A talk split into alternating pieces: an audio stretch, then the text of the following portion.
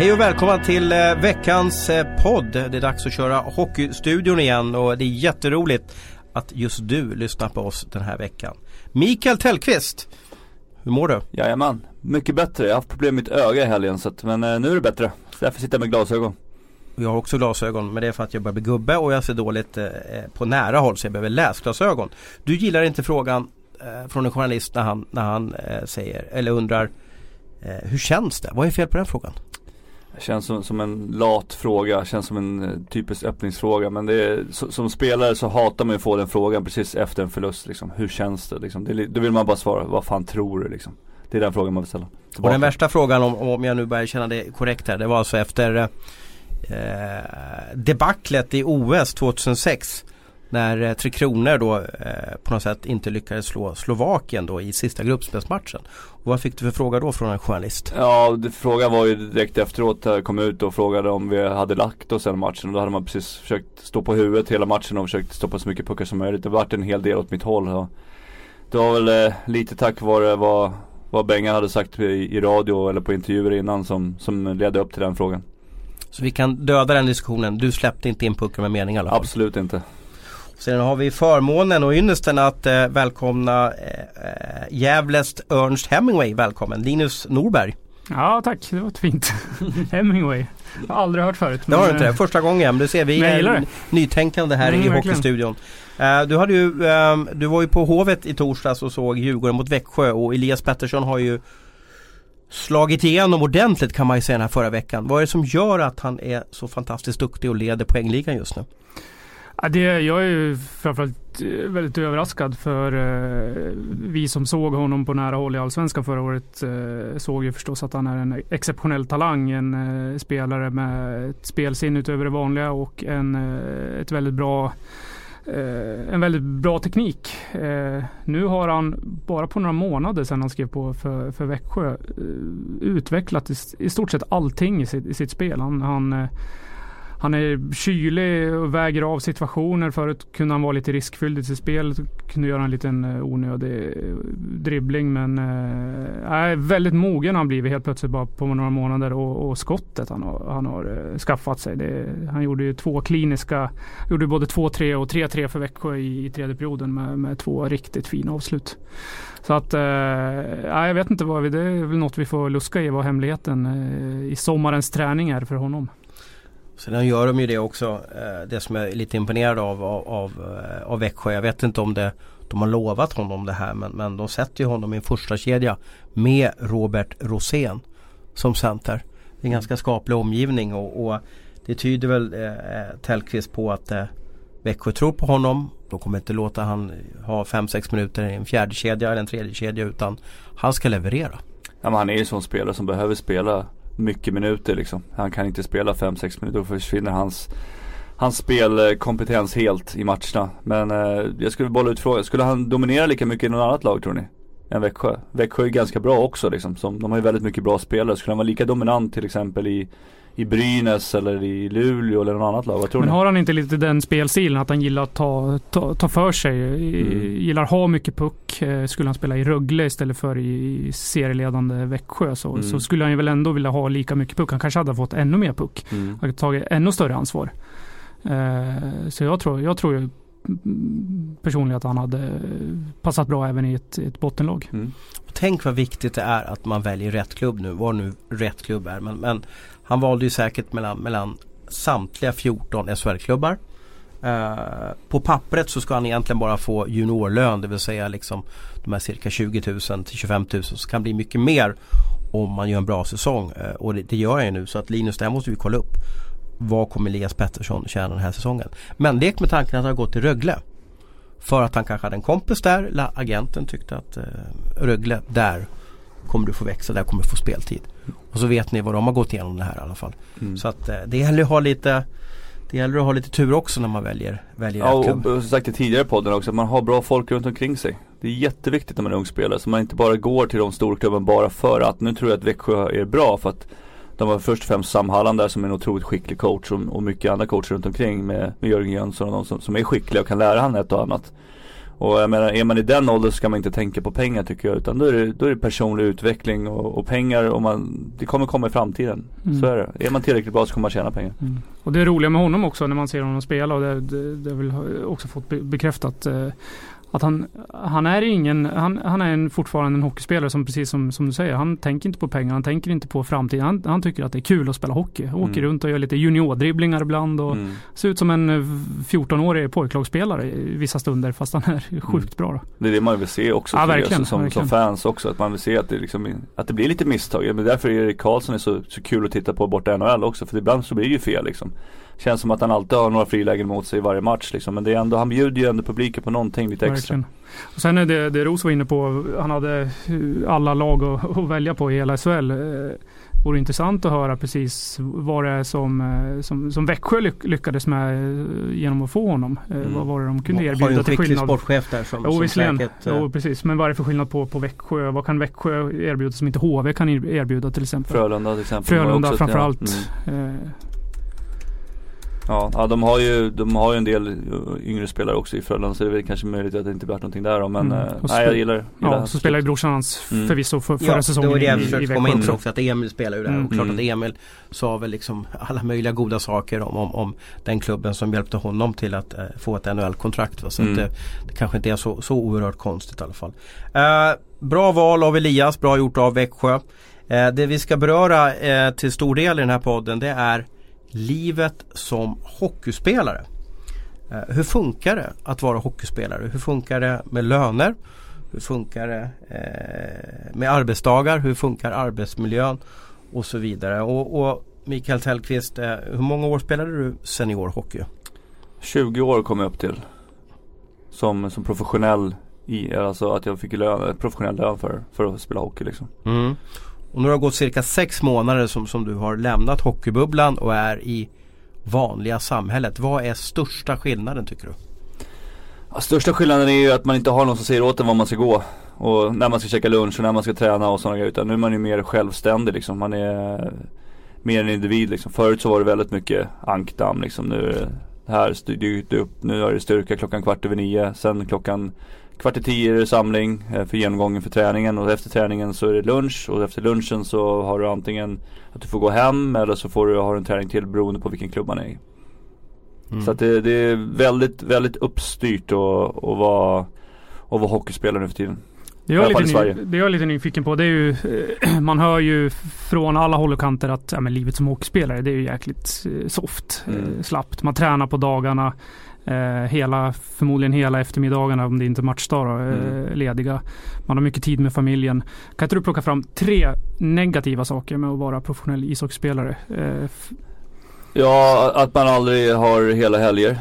Eh, speciellt för mig som för... Le lediga menar Ja, lediga, förlåt. Lediga helger. Uh, det är en sak som, som jag har tyckt var viktigt, att man kunde hänga med, hänga med barnen. De är ju lediga då, de är inte lediga på dagarna. Det spelar ingen roll, de går ju på dagis oftast eller skolan. Eh, så de ser man ju inte ändå, även fast man är hemma.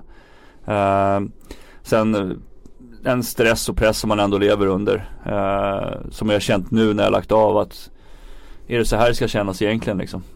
Mer eller mindre så har man, ju, har man ju haft en börda på axlarna. Som kommer utifrån då? Från, från ja, fans? från, från fans, mm. från media eller vad som helst. Från, från folk som man går och hämtar på dagis eller vad som helst. Folk ska ju tycka och tänka och med, med all rätt. Folk har rätt att tycka och tänka men man lever ändå hockey 24 timmar om dygnet på ett sätt och vis. Uh, I alla fall jag gjorde det. Men du menar att man vill vinna och inte släppa in puckar och, och, och Ja men det går att tänka på vad, vad, som har hänt i matchen innan eller hur nästa match ska vara eller vad som helst. Vad kan jag göra för, för att bli bättre uh, och, och, och sådana grejer. En tredje grej som, som Ja, vad ska jag säga där? Jag kommer faktiskt inte på den. Jag får, får spara den sista till, till sen men det är naturligtvis väldigt mycket positivt inom hockeyn också som jag har fått med mig men eh, just den här stressen och pressen som man alltid lever under som jag tror inte folk förstår att man lever under. Det ehm, den är nog den som är jobbigast. Mm. Men lek med, med, med, tanken om, nu är ju du ett fall där du, där du faktiskt har en väldigt framgångsrik karriär, du har ett väldigt bra CV, du har inte mm. egentligen haft några problem att få jobb så att säga. Mm. Vi har ju kanske unga killar som, som ligger på gränsen, kanske inte får så mycket speltid i SHL, eh, kanske måste gå ner i Allsvenskan. Vi har kanske spelare som som är i samma läge fast Allsvenskan går ner i division 1. Eh, de har ju visserligen, bara på fliken, de har ju inte samma press på sig. Nej men Det är inte de som få frågorna när de hämtar på dagis. Mm. Nej, men de kanske har en annan typ av press där de eh, har offrat väldigt mycket i sin eh, ungdom. Kanske off offra skolan, har blivit drabbade för att de ska eh, satsa på hockeyn. Eh, och så är de lite oroliga, liksom framtiden. Vad, Upplever du att, att unga hockeyspelare kan vara oroliga för, för sitt, liksom sitt liv, sin, sin framtid? Ja men det, det, tror jag definitivt. Jag tror att från åldern 22 och upp till 28 någonstans, där var jag också ganska lite orolig. Vad, vad skulle hända med, med karriären? Nu hade jag förmånen att spela NHL så att Ekonomiskt så löste det sig ganska bra men det är som du säger, det är, det är en kritisk ålder och, och, speciellt nu för tiden så vill man ju gärna att man ska vara så bra som möjligt så tidigt som möjligt. Uh, jag har alltid trott på att skynda långsamt. Vissa personer utvecklas snabbare. Uh, vissa personer tar det längre tid för. Det märker man också på, på spelare i SHL och, och sådana grejer. Att vissa blir mycket bättre efter 30 till exempel eller vad som helst. Så att, uh, nej, ja, det, är, det, är, det är en svår balansgång där med, med att offra skolan och, och sådana grejer. För jag vet att många har ju hockeygymnasium och, och sådana grejer. Men utbildningsmässigt där så är det väl mest fokus på, på hockeyn och inte så mycket på utbildningen utan det är väl mer att man ska, man ska få godkänt i allting. Liksom. Mm. Och framförallt målvakter där, ja. där det finns färre jobb än, än som utspelare också. Så är det, det är bara en målvakt som kan spela varje kväll mm. liksom. Så, är det, så det är väldigt tufft. Vad utbildade du till när du gick i gymnasiet? Samekonomisk gick jag. Okej. Okay. Så att det var väl en sån här mittemellan lagom normal linje som de flesta går liksom. Det var liksom Det var en bra Bra grej om man inte vill gå natur. Vad, uh, vad var du bra på? Vilket ämne gillar du? Jag gillar, jag gillar historia. Okay. Har alltid, historia och geografi har jag alltid haft intresse för. Uh, andra världskriget och sådär Jag tycker det är ganska fascinerande faktiskt. Vad mm. folk har fått gå igenom. Uh, jag ska inte säga roligt för att det är naturligtvis ett helvete men uh, jag har alltid gillat de olika typerna av krigen som har, som har hänt genom historien.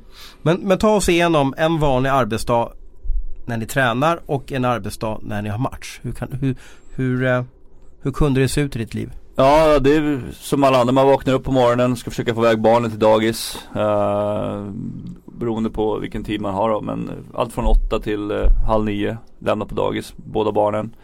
Sen sätta sig i, i köerna här i Stockholm och ner till, eh, till Globen. Uh, för morgonvärmning som brukade börja vid halv tio, tio någon gång beroende på om vi skulle spela hemma eller borta. Hur hårda är de på tider alltså? När ni har samling?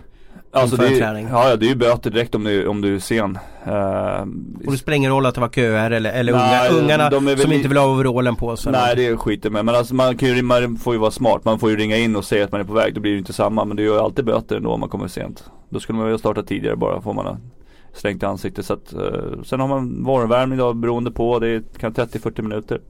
Sen uh, efter det så är det lunch. Uh, sen, det här är matchdag ja. Ja det är matchdag precis. Och sen efter matchdag eller efter lunchen så så beger man sig hemåt och tar det lite lugnt en stund. Vissa väljer att sova, vissa tar det bara lugnt och läser bok eller tar en kaffe eller vad som helst. Sen uh, åkte jag och hämtade barnen. Uh, åkte och hämtade barnen, sen väntade jag på svärmor skulle komma så jag kunde åka tidigare till, uh, till matchen. Och sen är matchen klockan, uh, skulle man vara där två timmar innan match och sen börjar matchen klockan sju. För det som är intressant om jag bara ser rent utifrån det är att oj nu är det matchdag, nu får ni inte ni får inte störa spelarna, du får inte skicka ett sms. Man får knappt släppa liksom någon typ av knappnål mm. i ett rum för då blir mm. spelaren störd. Mm. Ungefär. Men du hörde ju det låter som dig så att du ändå hade ett vanligt liv i alla fall. Att jo, inte... alltså så blir det ju. Det, det, jag menar mina barn de bryr sig inte om jag spelar hockey eller inte. Uh, utan det var bara liksom göra det som, som jag skulle göra. Och uh, min fru har ju sitt liv också. Hon kunde inte alltid komma ifrån bara för att jag hade match liksom.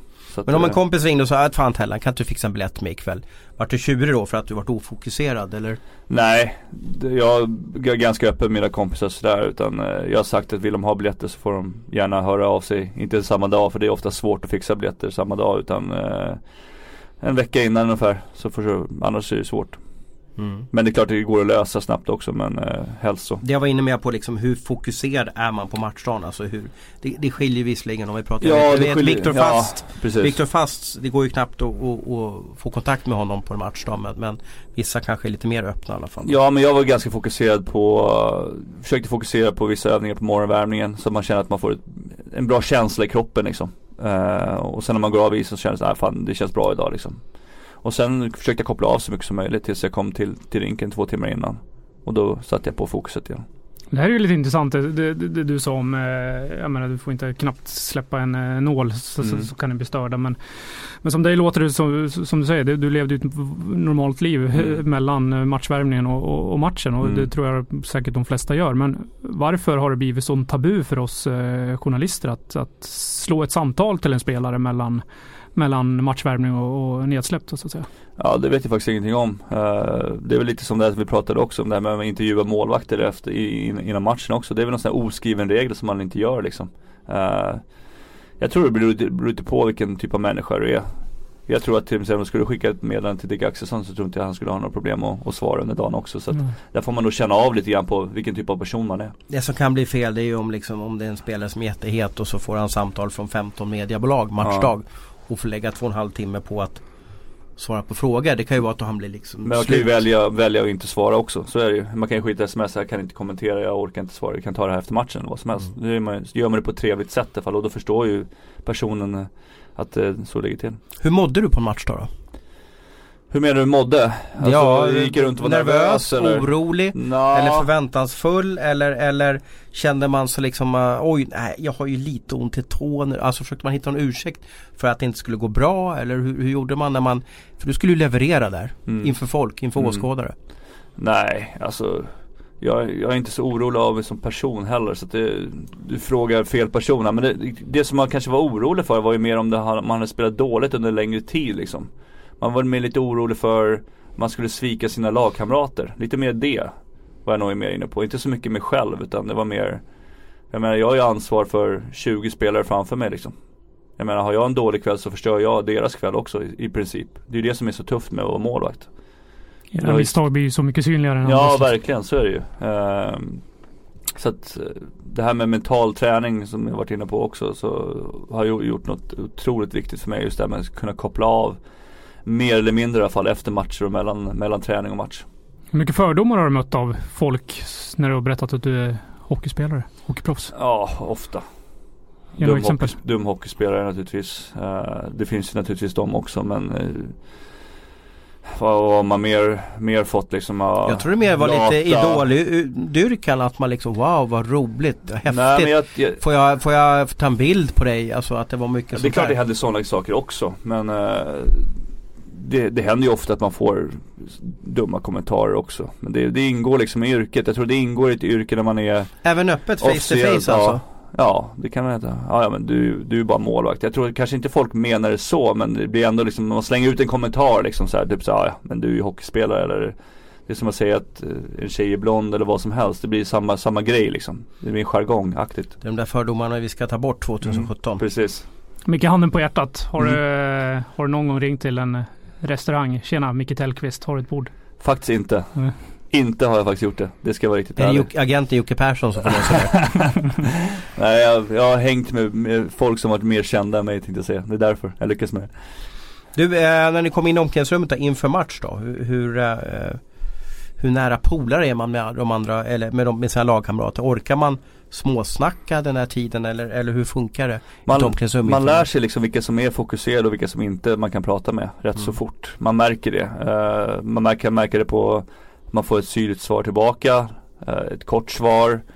Uh, jag menar, vi var en liten grupp som satt och fikade och, och sådär liksom innan match och satt och snackade lite skit och snackade vad som hade hänt på dagis eller vad som helst också. Så att jag tror att man, man drar sig liksom till till den typ av människor som, som finns i omklädningsrummet. Vissa låg ju och stretchade typ två och en halv timme innan match liksom. Mm. Eller vad som helst. Eller var där tre timmar innan match liksom. Så det, det är ju väldigt olika beroende på vilken typ av människa eller typ av hockeyspelare du är. Vilken spelare som har varit svårast att kontakta som du har spelat med eh, inför en match? Den svåraste jag har kontaktat, Henke Lundqvist är ganska svår att kontakta faktiskt. Men han, man låter ju liksom han vara för man märker att han går runt med hörlurar och, och sköter sin grej liksom. Så att eh, man, man, känner av direkt rätt fort vilka som man kan kontakta och inte. Hur mycket, det, konkurrensen just på er målvakter är ju så påtaglig. Ni har ju oftast en person ni konkurrerar med. Så att säga. Mm. Hur, hur, mycket går man och oroar sig för att och tänker fan är det, jag, är det jag som kommer stå eller undrar om jag får stå imorgon eller det blir en jätteviktig match, en avgörande final. Och, hur, hur, mycket tänker man på det som målvakt? Jag har alltid liksom försökt fokusera på, på mitt eget spel för att det spelar ingen roll. Jag kan inte, jag kan inte fokusera på vad den andra spelaren gör ändå. Jag kan inte kontrollera det överhuvudtaget. Uh, utan jag kör 100% fokus på mitt spel och spelar jag så bra som jag vill spela så kommer jag spela varje kväll.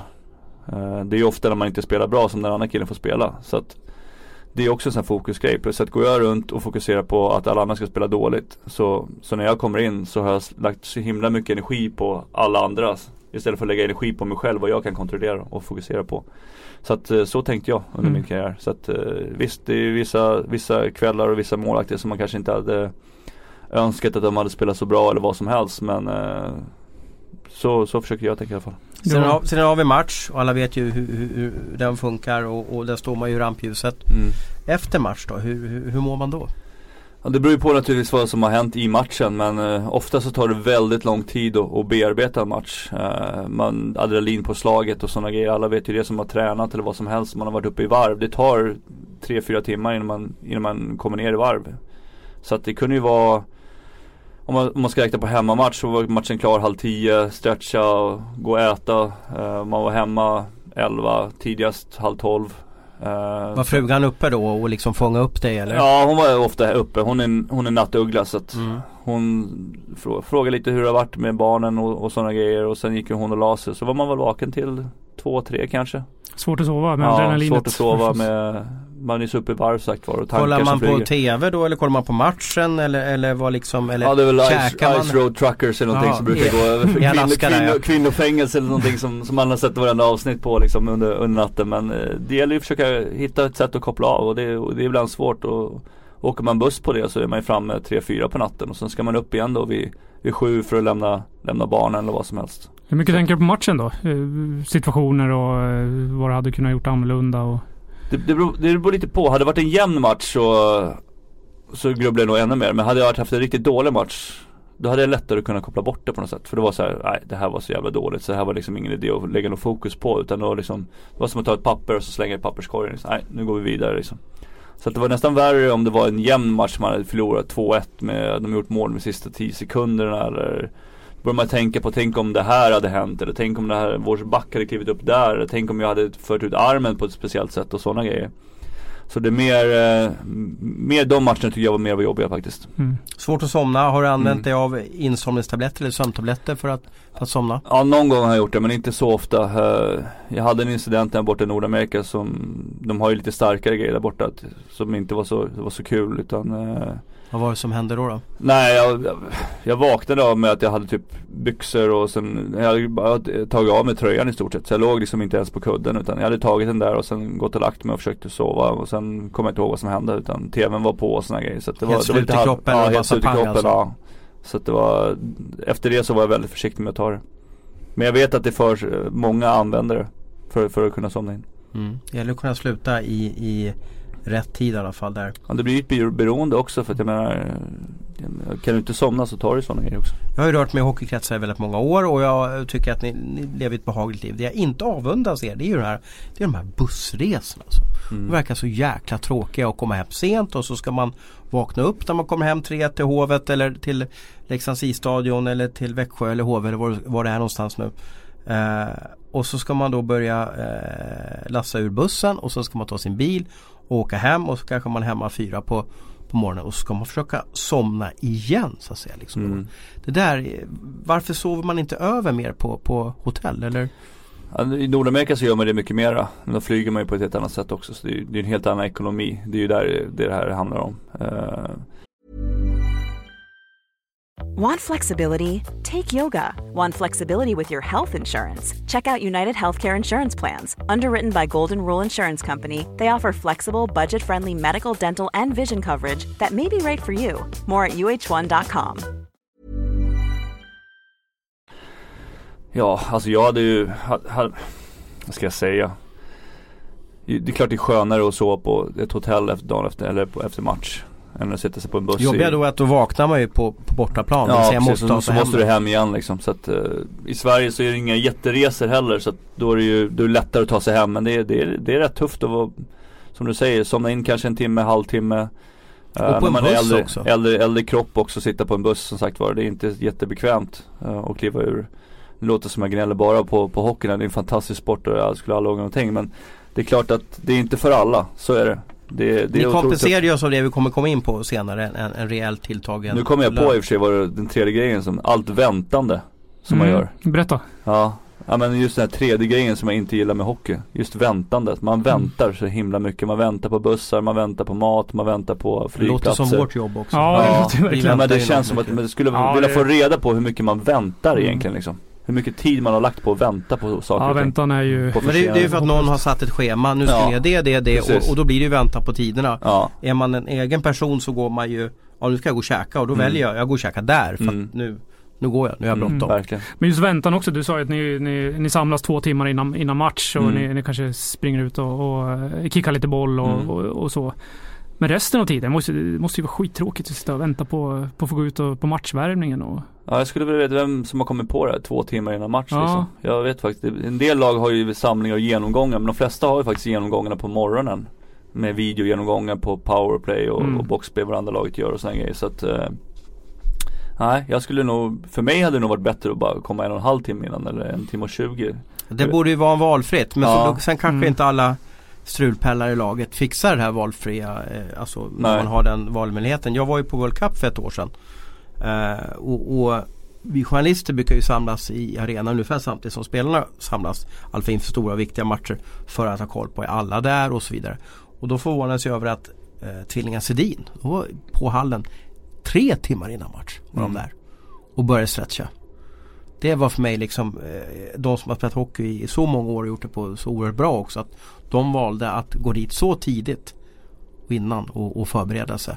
Men det var väl deras sätt också att, att vara De börjar bli äldre också, måste värma Ja, upp längre. Men de är. har ändå väntat, väntat, väntat till förbannelse i alla fall. Och ändå så tyckte de Ja men det här passar oss att gå dit tre timmar innan. Men vissa vill inte ligga på hotellrummet heller. Vissa tycker att det är tråkigt liksom. Eh, De kanske är sådana som vill komma dit och gå runt och snacka lite skit med, med materialare eller massörer. Jag menar, tre timmar innan så är det ingen som är där heller. Varför måste ni sova på matchdagen då? Det är skönt. blir man inte förslappad Man- liksom? Ja, ja, Nej men det är ju en vanlig sak. Skulle jag gå och lägga mig nu och sova skulle jag bli helt konstig i huvudet. Jag skulle bli helt geggig i hjärnan liksom. Men det, det är rätt skönt att kunna efter lunch, man har där lite matkoma, eh, gå och lägga sig en timme, två liksom. På vet- dagis gjorde man ju så med, med småbarn. Ja men det är ju vuxendagis där. det är ju det. Ja men den här väntan, just du säger att eh, vem, vem har kommit på att samlas två timmar innan match. När jag själv spelar hockey, eh, visserligen på, på, på låg nivå, men jag upplevde det som jävligt tråkigt och eh, du vet, matchvärmningen eh, och sen in, eh, isen skulle spolas, sen ut och spela match. Mm. Den tiden upplevde jag som ganska jobbig och tråkig liksom. Mm. Jag hade ju hellre haft en matchvärmning, eh, åkt lite skridskor, skjutit lite puckar på mål och sen dra matchen igång. Mm. Tre, fyra puckar hade man när man var liten. Ja, på precis. Ja. Hur, hur, hur hade det upplägget varit? Hur, hur känner du kring det? Ja, nej, men jag tycker att det funkar ganska bra. Eh, jag kan tycka att morgonvärmningen i sig, den som man har först på morgonen med hela laget känns lite onödig. Jag vet Mm. att många lag har tagit bort den också. Att man får komma in och så får man göra valfri aktivitet. Alltså om man går ut och går eller man kickar boll eller man går på is eller vad som helst. Jag tror att den regeln kom nog till på 80-90-talet, mitten av 90-talet när folk hade varit ute och, och festat lite bara för att man skulle liksom svettas ur alkoholen. hålla, Ja, hålla handbromsen ja. lite kanske också. Bara för att man skulle hålla koll lite på vad som hade hänt kvällen innan liksom. Men det, nu kanske jag har jättefel här men om vi går igenom fotboll, handboll, basket, eh, innebandy, bandy. Jag vill nästan påstå att hockey är den enda sporten som har morgonvärmning inför match. Mm. Ja men så är det nog. Eller jag har dålig koll men, Men är det, är det någon typ av säkerhet fr- från klubben att man ska kolla att alla har skridskor med sig? Det är det är också, som du säger, vi pratar ju om hockeydagis här men det är, ju- Mm. ju lite för att fånga upp alla då i alla fall. mm. Ja men så har det nog varit tidigare i alla fall. Men nu vet jag sagt för att många klubbar har börjat välja bort det här liksom. NHL är väl så att man, man eh, har väl oftast väldigt valfritt om man vill gå ut och ta en promenad eller att man har eget ansvar. När matchen startar, när pucken släpps, då ska man vara påslagen. Precis och sen, sen tror jag här just morgonvärmningen, speciellt om man är borta tror jag att man sover över, att man ska få lite break idag så man inte bara ligger och degar på hotellrummet hela dagen utan man verkligen åker iväg och gör någonting liksom, man får någon fysisk aktivitet och det då är det väl lättast att göra det när man är på bortaplan i alla fall, eh, på, rinken. Är man hemma så då kan man ju välja själv lite grann vad man vill göra. Då hittar man ju liksom i sitt eget område eller vad som helst. Vad är den sjukaste uppvärmningsritual du har sett någon gång? Eller ritual inför en match eller i ett omklädningsrum då? Det var Nizjnekamsk i KL som, eh, som hade Som hade en ritual där tränaren stod med visselpipa och blåste och alla skulle göra start och stopp. Jag stod och stretchade vid, vid röda linjen så var Daniel Fernholm i, i andra laget och så satt, kom han fram vid polare och sa Tellan kolla på det här nu, vänta, vänta ska du se. Så, så vände jag mig över så såg jag bara tränaren som började blåsa så körde de start och stopp liksom i, i hela zon liksom. Aha. Fram och tillbaka. Det var så här, vad fan är det som händer liksom? Pigga ben till kvällen där. Ja, ja, det, jag det måste ju stjälpa mer än vad det hjälper känns som. Ja men det var väl någon sån gammal rysk klassiskt. Ja. Det här gjorde vi på 80-talet när vi var som bäst, eller 70-talet liksom. Så att uh, det var bara att köra på. Men det funkar väl hyfsat för den klubben i alla fall? Nej sådär va. Okay. Jag. Det, jag tror att han fick kicken sen också. Jag tror, att de, jag tror spelarna Men var det coachen som hade ritualen eller var klubben som hade den ingrott Nej det var coachen. coachen. Det var coachen som bestämde att de skulle göra det. Så jag tror att när de bytte coachen så, så gjorde de inte det. Men hur mycket angående ritualer, har man spelat länge och liksom byggt upp eh, ett gäng ritualer innan matcher. Eh, hur mycket kan det ta över liksom?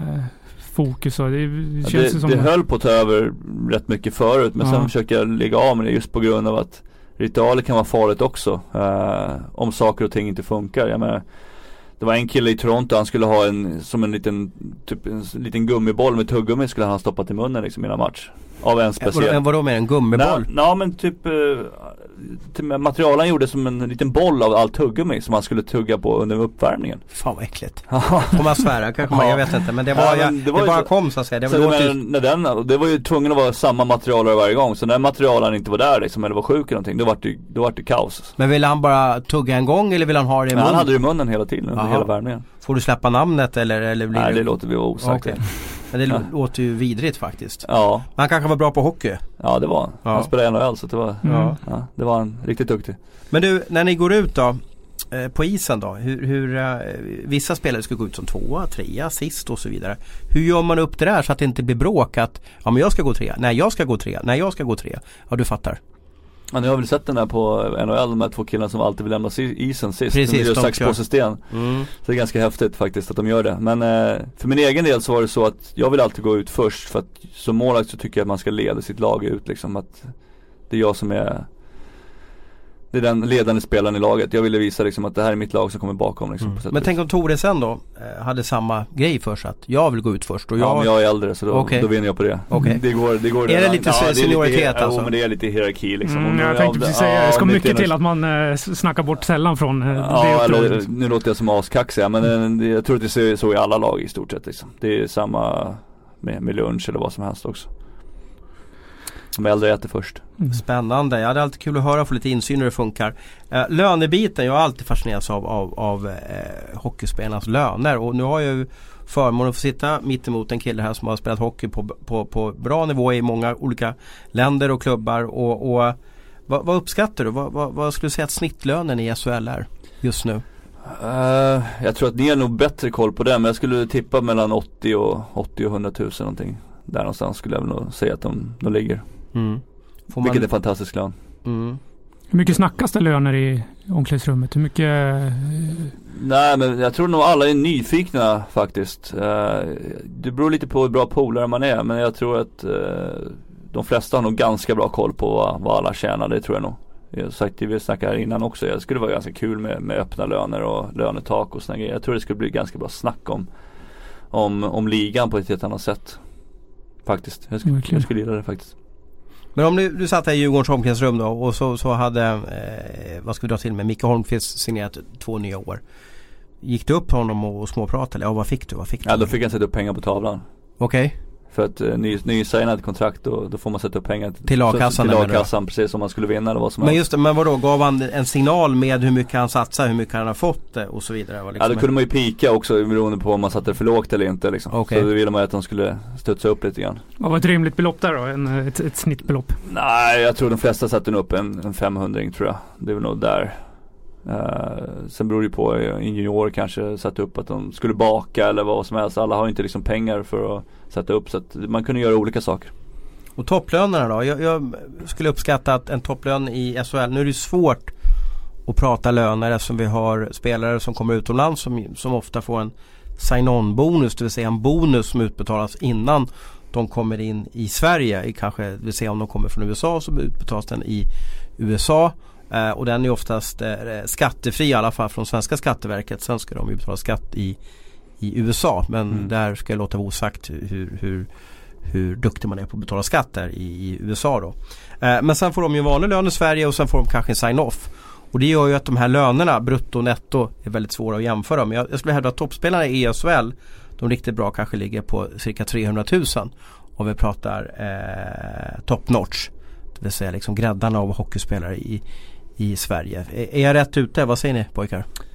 Ja vad säger du Linus? Vad, ja, du har ju bättre koll där än vad jag har. Nu skickar ni bollen fram och tillbaka. Ja, ja men jag, mm. jag, vet ju vad jag har tjänat liksom. Och så mycket pengar tjänar jag definitivt inte när jag var i Djurgården. Jag tjänar väldigt bra men definitivt inte så mycket. Men när man väljer sin hemklubb så får man ju på något sätt liksom nästan gå ner i lön för att då får man tryggheten på hemmaplan också. Ja men jag valde ju att gå ner lite i lön för att kunna vara hemma och signa ett längre kontrakt liksom.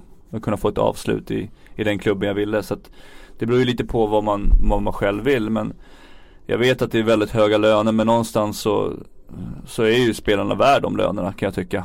Jag menar, syns i media, de representerar en klubb, eh, det är mycket press. Eh, jag vet att det är säkert många som säger emot mig att de tycker att det är väldigt högt men samtidigt så kan ju faktiskt klubbarna säga nej till lönerna också. Det är ju marknadsekonomi, så, så är, det. ju. Det är ju en förhandling också. Jag menar om, om jag säger 400 000 så kan du faktiskt säga nej. Vi har inte så mycket pengar. Då får man mm. gå Eller det är du inte värd. Så nej, säga, liksom. precis.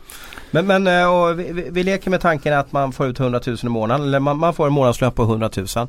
Vad finns för avgifter då? Ni har ju agenter då. Vad, vad kostar det att ha, har alla spelare en agent exempelvis? Alla spelare på hög nivå har nog agent, det, det, det skulle jag nog säga. Ja. Uh, mer eller mindre. Sen, uh, ja, så det mellan 3, mellan 3 och 5 procent brukar man pröjsa i, i agentavgifter. Vi ska inte gå in i för mycket detaljer men är det på bruttolönen som klubben betalar ut eller är det på nettolönen? Det är bruttolönen. Det är, bruttolönen. det, det som står i kontraktet. Så det är på hela kontraktet. Det är bonusar och alltihopa. Betalar man per månad eller? Det gör man som man själv vill men jag brukar betala en gång en stor summa eh, eh, en gång om året. Vad får man hjälp eh, med då för något då? Ja, du får ju hjälp. I, Sverige så är det väl lite annorlunda men i Sverige så är det oftast bara kontraktsförhandlingar Eh, och om det skulle hända någonting, om man behöver hjälp med sådana grejer, man skulle behöva prata eller man skulle behöva bli bortbytt eller, eller byta klubb eller vad det nu kan vara, några andra grejer. Eh, reklamgrejer eller vad som helst, inte så jättevanligt i, i Sverige. Desto mer vanligt borta i Nordamerika att man får hjälp med sådana grejer. Man ska signa idolkort eller man ska signa med något, eh, något företag eller vad som helst. Sådana grejer. Mm. Hur mycket den generella kollen nu du verkar ju vara en förnuftig människa som eh, en vettig människa som, som har koll på sådana här saker. Men vad är den generella? Jag träffade till exempel Marcus Davidsson här, häromveckan i, i Djurgården, eh, din gamla lagkamrat. Mm. Han är 19 år, hade toppbetyg i skolan och jätteintresserad av ekonomi. Börjar aktiespara mm. redan, nu. Men eh, i den åldern är det ett exceptionellt undantag generella kollen på, på ekonomin i, i, i ligan? Vad, vad, skulle du säga att den, den är? Det beror också på vilken typ av bakgrund man har haft. Det är jättesvårt att säga. Har man kommit från en familj där man har bra koll på ekonomin så, så blir det naturligtvis att man har bra koll själv också. Kommer man från en familj som inte har det så är det nog lätt att man plockar ut hela sin lön och så skattar bort det mesta liksom. Eh, och spenderar det på, på saker och ting. För att jag menar, man får inte glömma heller, man kommer ju från, när man är 18, från, från barnbidrag och så helt plötsligt får man mellan 20-25 tusen i, i lön liksom. Och många bor hemma. Så att det är ju det är en fantastiskt mycket pengar som man bara får in rakt in i, i, på kontot varje månad som man tycker att man är odödlig liksom. Så att, eh, som det är som du säger, kan man redan börja spara redan så tidigt så, så är det riktigt bra tänk. Jag vet att spelarfacket SIKO de går ut med uppgifter hur man ska tänka och man kan få utbildningar och, och sådana grejer redan från början. Man kan plugga under tiden och, och lära sig sådana här grejer. Liksom, att man ska tänka Tänka att man, man har ett liv efter hockeyn också, att det kan ta slut tidigt också. Så att, eh, sen har man ju ett fantastiskt eh, bra jobb med, med SEB också. Um, det som skiljer eh, ditt liv idag Tellqvist från när du var hockeyspelare det är att eh, ni har ju en annan typ av pensionsavsättning på era mm. löner. Mm. Uh, idag när jag jobbar på Aftonbladet eller Schibsted så, så uh, har jag min bruttolön och så har jag min uh, nettolön och sen så kan jag välja själv om jag vill pensionsspara. Och mitt företag lägger x antal kronor till förmån till mig som jag kan ta ut den dagen jag väljer att gå pension. Och då pratar jag om 63, 65 år eller 67 år. Men när ni pensionssparar så pensionssparar ni tills den dag ni slutar hockey. Och det kan ju alltså vara när man är 30, 32, 35 eller vad det kan vara 37 eller 41 om man heter Niklas Lidström. Eh, hur mycket av lönen pensionssparar man?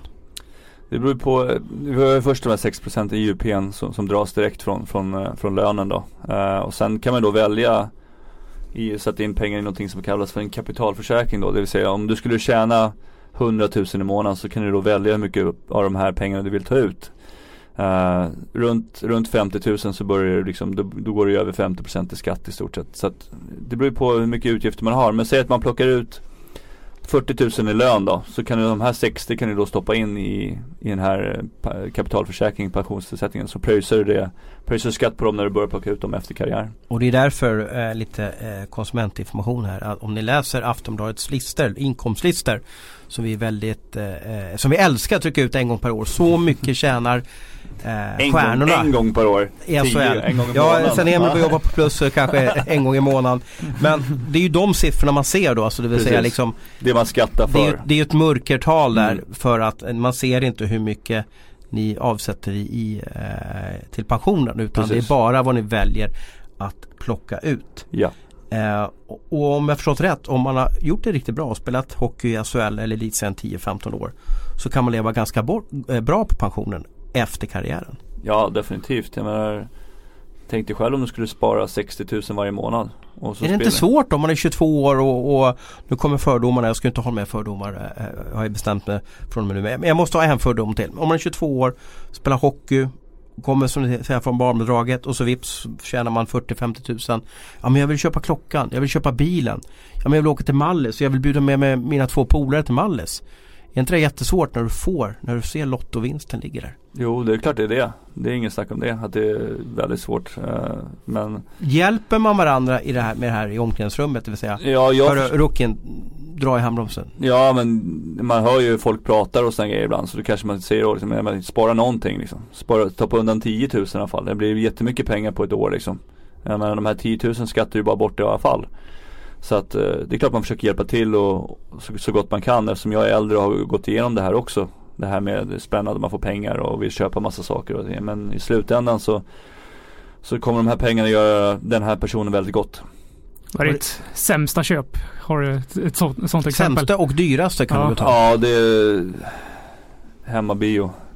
Den, Hemmabioanläggning. Ja, det, men jag tror det måste ju vara 90% av alla grabbar som, ja, som svarar. Ja, det känns ju köpt... ändå spela NHL va och tjäna Hemmabioanläggning för 3 500 eller vad, vad kostar det? Ja det var dyrt. Det var väldigt dyrt. Ja, det blev jag liksom, jag hade förväntat mig ett svar. Du köpte någon eh, skitfin bil här eller någonting som. Ja men bilar är alltid dåliga affärer. Mm. Så är det ju definitivt. Nej men hemmabiosystemet med riktig projektor och, och sådana grejer var kanon. Med massa sladdar och... Ja, det var, ja. Nej, det, den är jättefin. Alltså det, har ingen, det är ingen sådär men jag använder den ju knappt längre på grund av att jag menar, två små barn, de sitter inte gärna still liksom. Nej, och det är det svårt också. Jag, jag, jag också, jag, jag kanske inte går till samma dyra fälla om jag om jag jämför våra ekonomier här. Men, men, men, men jag har också gått den här fällan och det är sladdar överallt och det är burkigt ljud och det är liksom, jag vet inte, man kan knappt ta på något ljud för att du, du kan inte prata med någon annan i rummet och så vidare. Va, liksom. Nej, det, men du känner igen ja, det lite där. Definitivt, ja, det är fantastiskt. Och fula högtalare också liksom. Då. Ja fast mina var faktiskt insatta i väggen så det var liksom Du har, du har dragit ja, till det? Ja, okay. nej, nej, jag har inte gjort någonting. Jag har bara betalat någon annan för att göra det.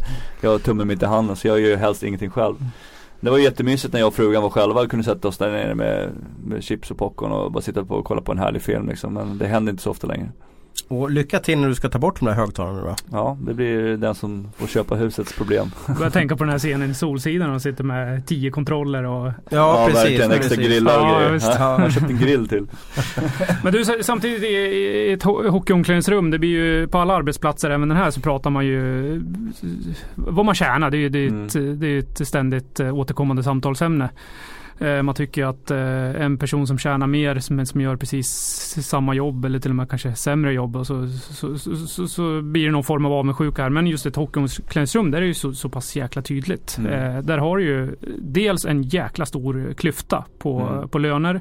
Dels så har du väldigt tydligt på, på vilka som presterar och inte. Hur mycket avundsjuka blir det?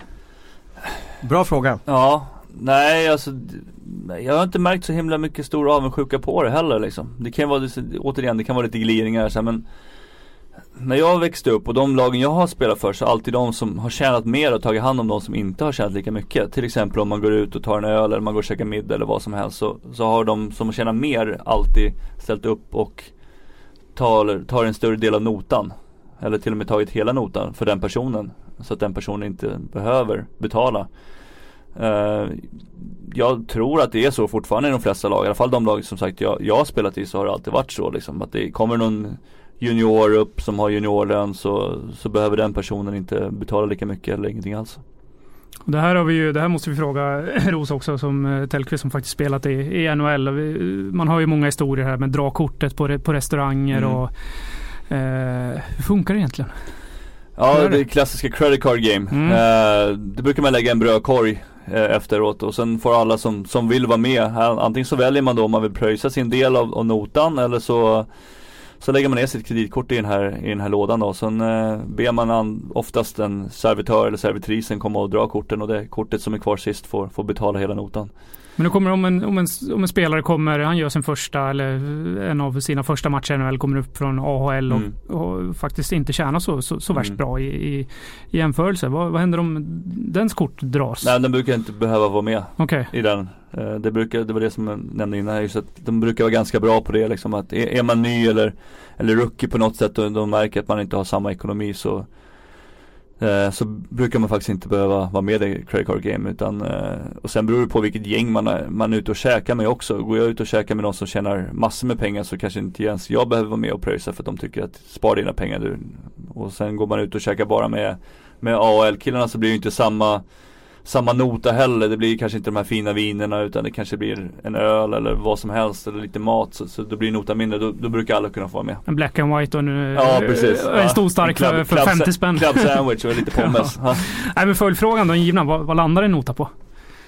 Det är allt. Den dyraste jag har fått är väl 3-4 tusen dollar tror jag. Mm.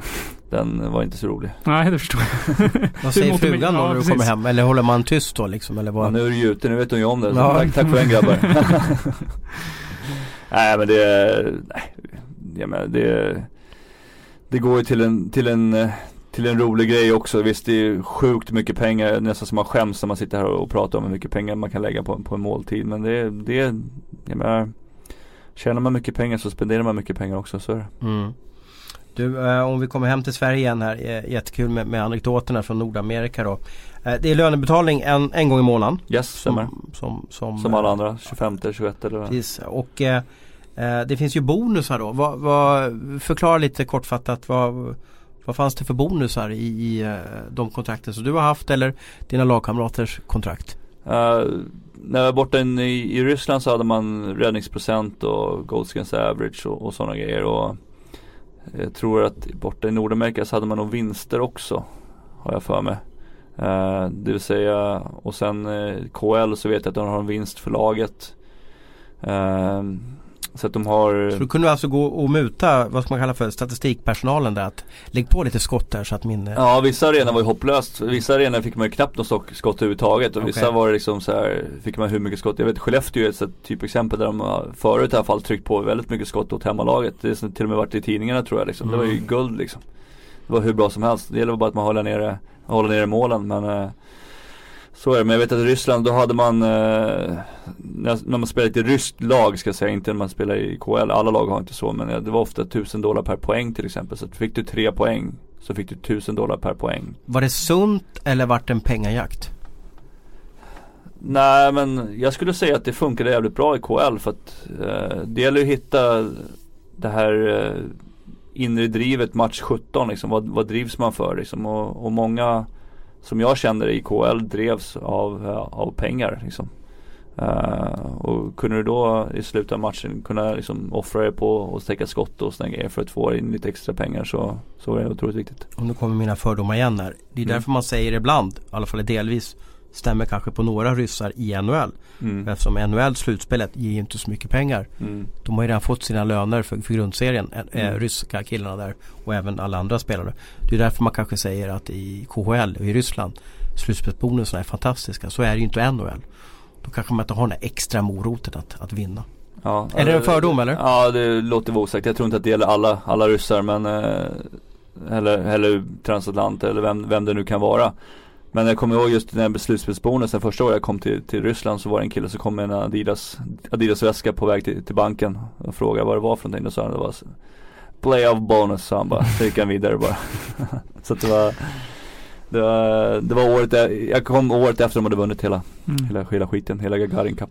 Men i Sverige, vad finns det för bonusar här? Vi, vi, vi har inte lika mycket utan det, är- det är för guldhjälmen, alltså SM-guld och... Ja, vi har ju Siko som har rabblat upp, eller Hockeyförbundet som har rabblat upp en, en lista på precis vad antalet matcher var. Ja det är för juniorerna. Ja, det är just det, det är juniorerna precis. Ja. Det, det beror ju på, alltså alla skriver ju sina egna. Jag hade inte så mycket i Djurgården nu. Sist så hade jag, om vi vann SM-guld och, och, och sådana grejer. Om vi skulle ta oss till, till slutspel och, och sådana grejer. Om vi höll oss kvar tror jag att vissa hade också. eh, första året. Eh, så att eh, Ja, jag vet att kommer man från Allsvenskan så har man säkert att man går upp i SHL att man får en, en stor bonus. Eh, vissa har säkert om de vinner skytteligan eller vad som helst. Det beror lite på, det är, det är väldigt olika. Men det mesta handlar ju om räddningsprocent. Om man ska ligga över en 92 räddningsprocent så får man en, en, en bonus och sådana grejer. Bra tugg, skönt att, att snacka lite, lite eh, vad ska man kalla för vardagsmiljö för dig Mm. Tellan. Mm. Eh, jag tror att många som lyssnar kommer inte i närheten av det där livet i alla fall. Vilket liv är roligast då? Det som du har idag eller det som du hade för, ja när du var hockeyspelare? Jag, ty jag tycker båda är roliga faktiskt. Uh, nu känns det som att nu kan jag liksom njuta av det alltid hårt jobb som jag har lagt ner under de här 20 åren. Eller 20 åren, det är ännu mer. Jag, sen jag var sex år så har jag ju spelat hockey. Så att det får man inte glömma heller att man, det är många som lägger ner och har lagt ner väldigt mycket mer tid än, än bara de, Man tänker bara på de åren man har tjänat pengar också. Det är ju väldigt mycket mer när man Offra sin kropp på, på och, och spela gratis och sådana grejer. Så att ehm, Nej men det är, väl, det är väl det som jag känner nu i efterhand så att det, det är skönt att kunna njuta av det hårda jobbet som Som man har lagt ner och, och jag ser det nu som att nu går jag in i andra halvlek här för nu vill jag bli bäst i någonting annat. Mm. och Du gör det riktigt bra hittills. Jag har bara en fråga till till, till Tellan Ja, om, om kontrakts, eh, kontrakten och så. Händer det att man skriver in eh, lite udda klausuler och eh, saker? Säg att du vill ha en spelare som vill ha hemhjälp eh, en gång i veckan eh, eller städning. Gå ut och käka på, ta 50% rabatt på Rish varenda gång man är ute och käkar middag. Mm. Finns det några sådana fall? Är det förekommande? Ja, det vet jag exakt men jag vet ju att jag hade en klausul just för att, att jag skulle få eget rum. Eh, det var typ den på bortamatcher alltså? Ja, ja. och så när vi sov över, det var typ den enda I både Djurgården och Modo eller? Ja, jag var van med det från KL-tiden och NHL-tiden att det som Är det för att du snarkar eller? Det gör jag också, det gör jag garanterat. Okej. Men det var mer också för att eh, jag ville ha det i lugn och ro när jag var inne på hotellet liksom. Eh, hotellrummet, kunna liksom fokusera på det jag ville. Ibland så ville jag sova, ibland så ville jag inte sova. Då behövde jag inte liksom eh, bry mig så mycket om personen bredvid. Vill jag ligga och kolla TV så, och den personen bredvid ville sova så måste man ju liksom respektera det. Så att det var, det var mer åt det hållet. eh, Så att, eh, Är man inte rädd då att man upp, uppfattas som prinsessan på ärten? Att man måste Ja, sova det, ensam? det är ganska vanligt att målvakterna har ensamrum faktiskt. Eh, Ur sjukdomssynpunkt? Att ja det, det också. Uh, eftersom det bara finns två, två målvakter. Många tror att målvakten delar rum och det vore ju all, ultimata mardrömmen eftersom Mm. om en blir sjuk så blir båda sjuka liksom. Mm. Men eh, vissa väljer att de vill ha rumskamrater, vissa väljer inte det. Men det är ganska vanligt, i alla fall borta i NHL, att, att målvakten har eget rum. Vet du någon annan som har haft någon konstig, udda klausul? Nej, inte så som jag kommer på faktiskt. Det här med städhjälp. Det har faktiskt inte, nej, inte, jag får tänka lite grann på det men inte, inte som jag kommer på just nu. det, som, det var ju vanligare förr Linus. Eh, där hörde man ju Du vet när Västerås och Malmö höll på på 80-talet. Så kunde det vara att eh, man nästan fick sitt sommarhus ommålat. Att det fanns sådana Ja, okej. förmåner i kontrakten. Men det, det, vi har ju eh, ett yppligt skickligt skatteverk idag i Sverige som, Mm. som genom, genom kollar det mesta. Så att jag tror inte sånt där riktigt blir godkänt ur, ur, eh, som förmån från hockeyklubb att få sommarstugan ommålad. Precis. Men brukar det finnas några restriktioner då? Vad, finns det saker ni inte får göra? Ja, vi får inte åka skidor. Egentligen Nej. får man inte hålla på med, med andra sporter som kan göra att man det är så i Sverige också att ni inte Ja, får åka skidor. Det står det i kontrakten. Att man inte får Töntigt va eller?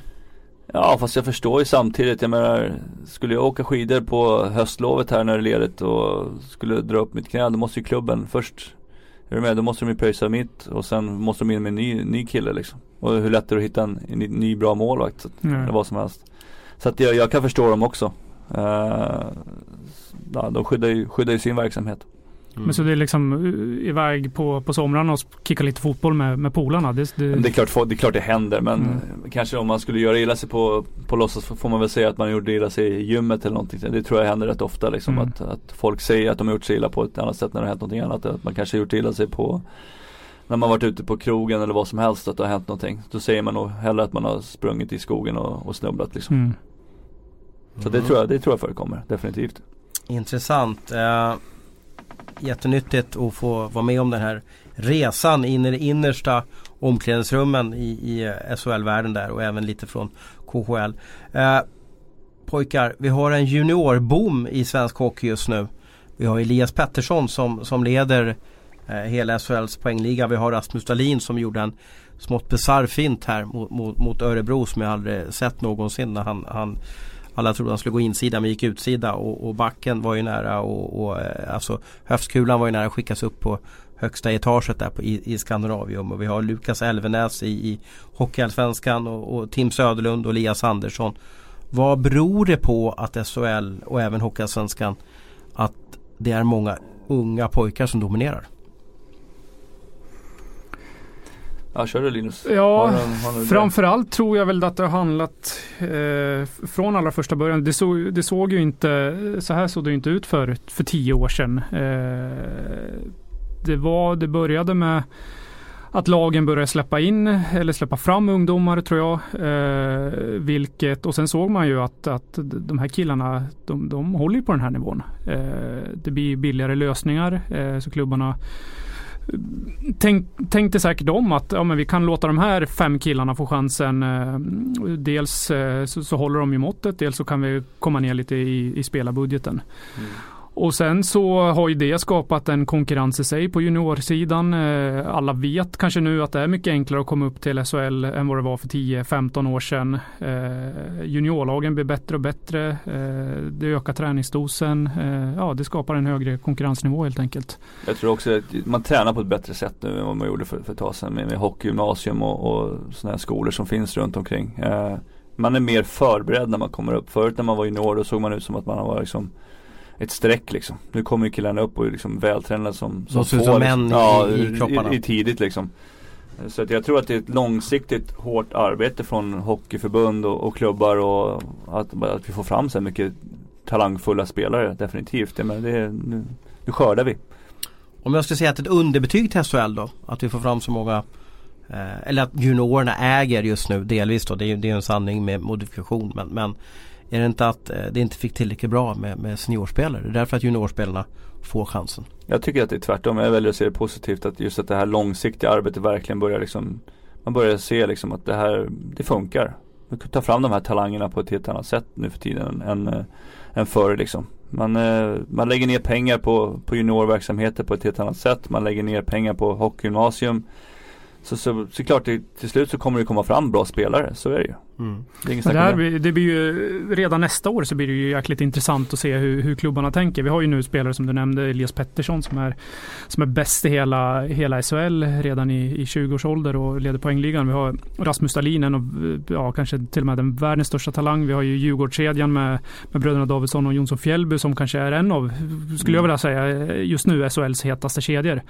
Nästa säsong då tickar det nya tv-avtal in, klubbarna får en jäkla massa pengar. Det är kanske inte helt klarlagt exakt vad de här pengarna ska gå till men, men vi får ju förutsätta att eh, lagen kommer få en ökad spelarbudget. Mm. Nu har de möjlighet att plocka fram kanske en, eh, plocka in en kille från KL som har en jäkligt meriterad kille, ett bra namn, eh, dyr. Eh, hur sätter man det i i jämförelse liksom om du ska, ska vi satsa på honom eller fan de här, den här juniorkedjan har ju gjort det riktigt bra. De kan ju nog kanske göra ännu bättre jobb. Men samtidigt det är ju kanske den här killen som drar publik också. Mm. Ja, det blir jätteintressant att se hur, hur, nästa, hur spelartrupperna kommer se ut nästa säsong. Sen är det ju svårt att satsa på juniorer också för att det med, ofta så försvinner de också. Klubbarna mm. vill bygga långsiktigt liksom. Mm. Så för, för en klubb egentligen så skulle jag nog säga att en favoritspelare är nog en, en, spelare som kommer tillbaka från NHL 26, mellan 26 och 30 år någonting. För de vet att den spelaren kommer nog stanna kvar under längre tid. Lex Johan Davidsson. Ja, precis. Är du med? Så mm. att eh, det är jättesvårt. En svår mm. balansgång där. Vill man satsa på juniorer och få en billigare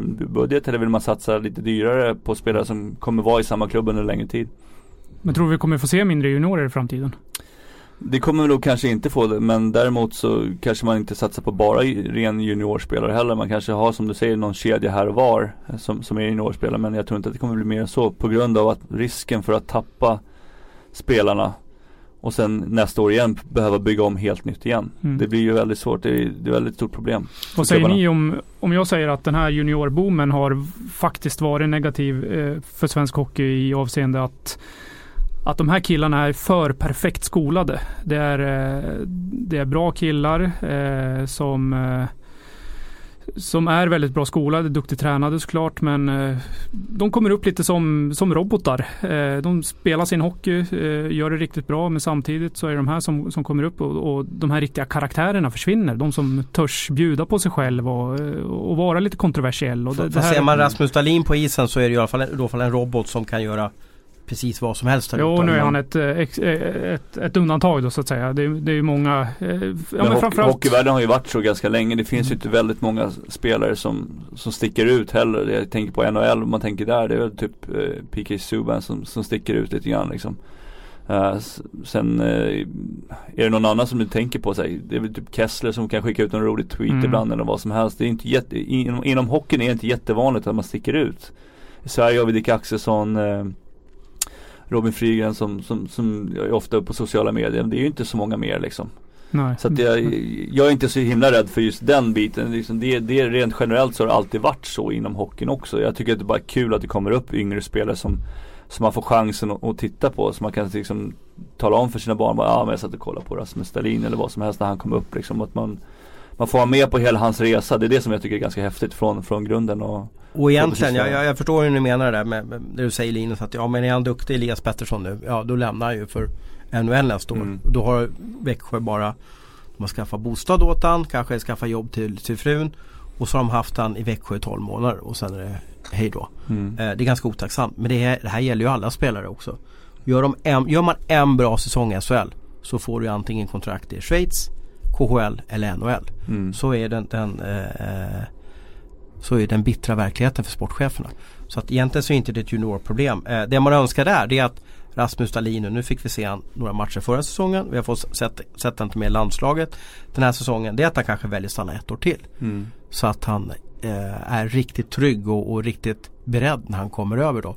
Eh, visserligen tror jag att han är så bra så att det, NHL kommer inte vilja ha honom i, utanför, eh, utanför Nordamerika utan de kommer vilja plocka in honom. framförallt direkt. om man går som, som draft också. Så. Mm. Ja och du såg alla de här Nico Hischer, de här de, de dominerar ju ja. NHL nu också så det finns ju ingen ingenting att eh, eh det man vänta får, på. Det man inte får glömma heller är om, om Växjö gör ett bra jobb här nu med, med Elias också, att han trivs där också. Så att, men om han kommer hem om 10-15 år så kommer han välja Växjö igen. Mm. På grund av att han trivdes också. Om han har, står mellan två, tre klubbar liksom. Mm. Och vi säger nästa Rasmus Dahlin, om han funderar på vilken klubb ska jag välja nu Ja men jag väljer Frölunda och, eller Växjö. För mm. där, där, mm. titta, titta vad Rasmus gjorde och titta vad Elias mm. gjorde. Mm. Så att de här klubbarna som får fram de här talangerna som lyckas, som utvecklas de ligger ju också eh, långt framme till att få nästa, nästa stjärna där då. Men har vi gjort någonting i vår hockeyutbildning tror ni?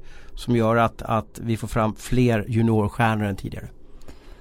Nej men jag, jag, tror som jag sa att det, det, är liksom Det börjar bli proffsigare Både för och nackdelar att det börjar bli proffs, proffsigare längre ner i åldrarna eh, Med tränare som, som faktiskt tjänar pengar på att vara tränare för, för juniorer Alltså det finns både för och nackdelar med det kan jag tycka eh, Det är klart det kommer komma upp bättre spelare som, som i redan tidig ålder får lära sig hur man ska äta, hur man ska fokusera, hur man ska träna och, och sådana grejer. eh, och bli, och bli mognare på så vis i en tidigare ålder än jämfört med förut när allting var ideellt liksom när man kommer upp liksom.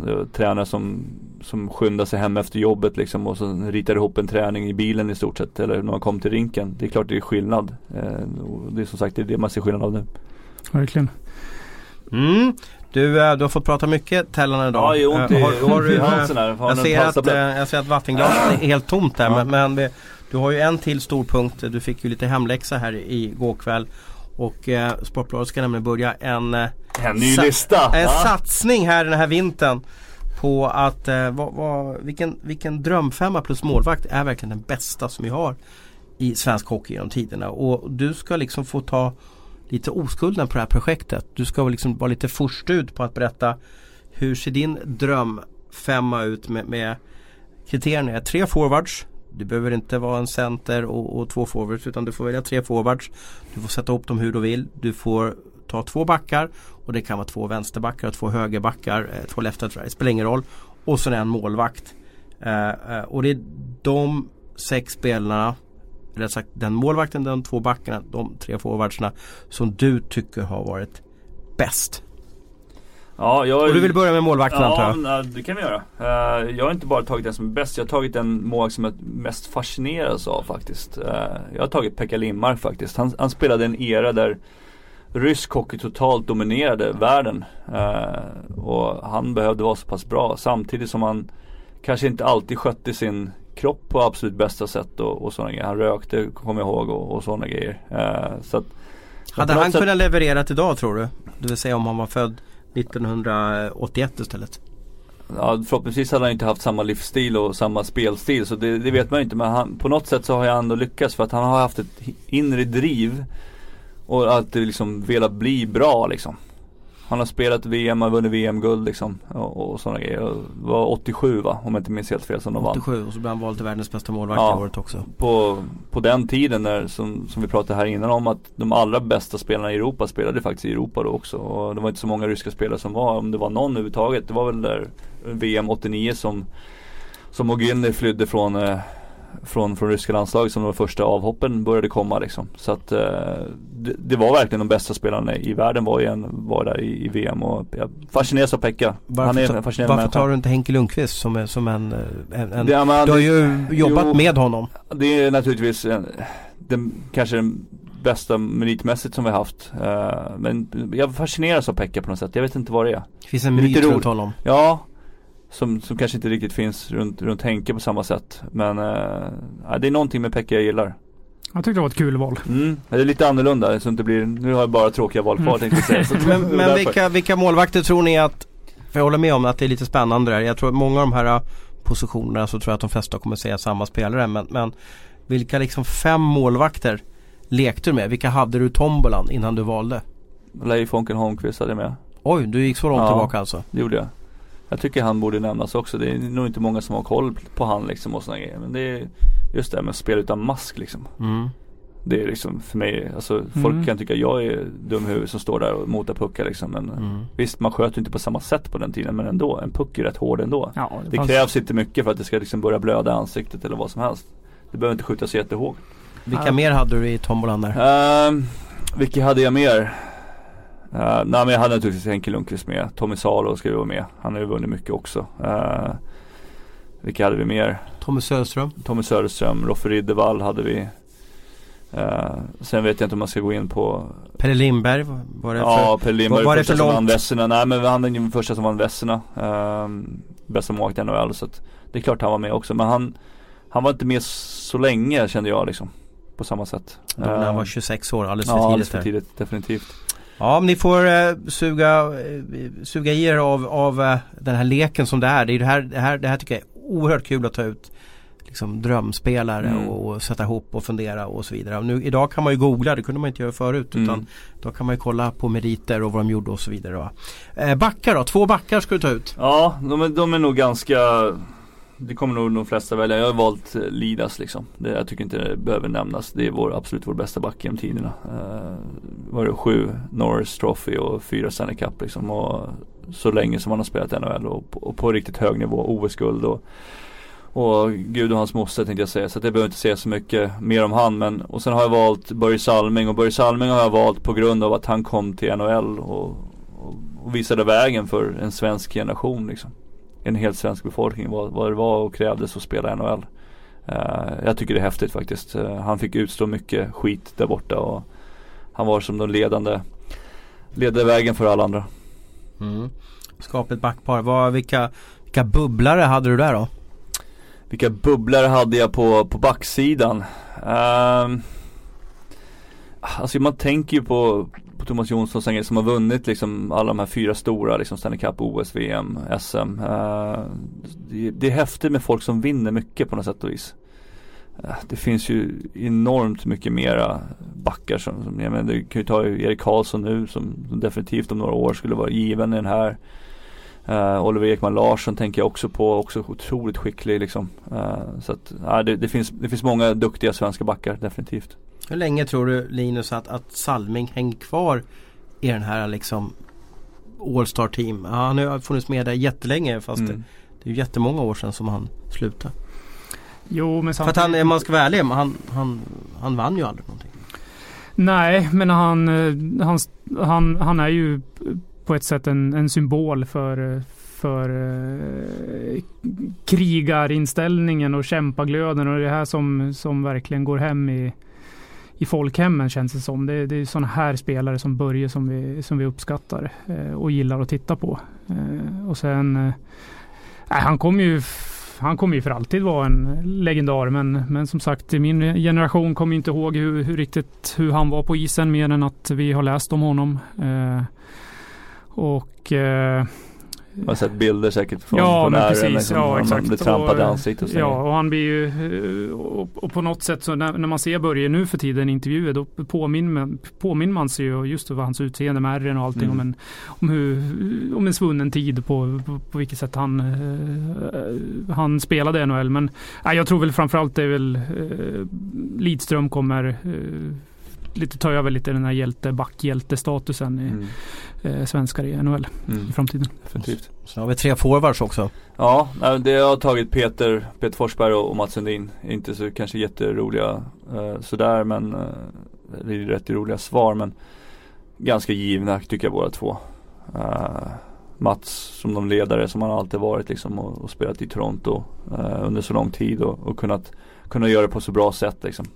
Uh, Hockey Hall of Fame och tröjan eh, upphängd i i, eh, i Toronto i, eh, så att, eh, och samband med Peter Forsberg.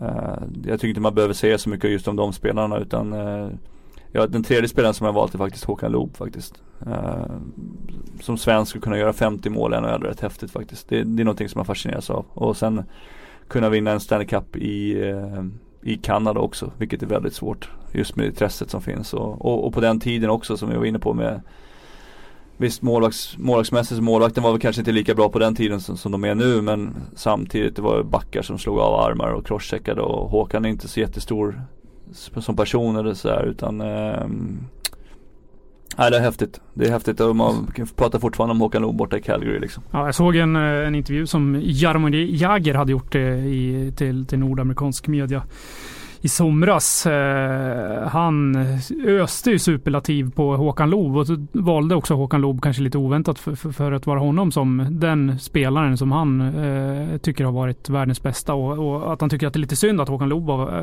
var uppväxt på fel tid. Mm. Just som du säger med backar som slog av eh, handleder och mm. eh, mycket hakningar och han var ju verkligen en lirare som hade passat kanske ännu bättre i dagens hockey. Mm. Enligt Jagger då? Ja precis, ja, det har ju andra spelare som, som Mats Näslund också som mm. Spelar i Montreal också som säkert skulle kunna passa bättre nu liksom än vad gjorde på den tiden också.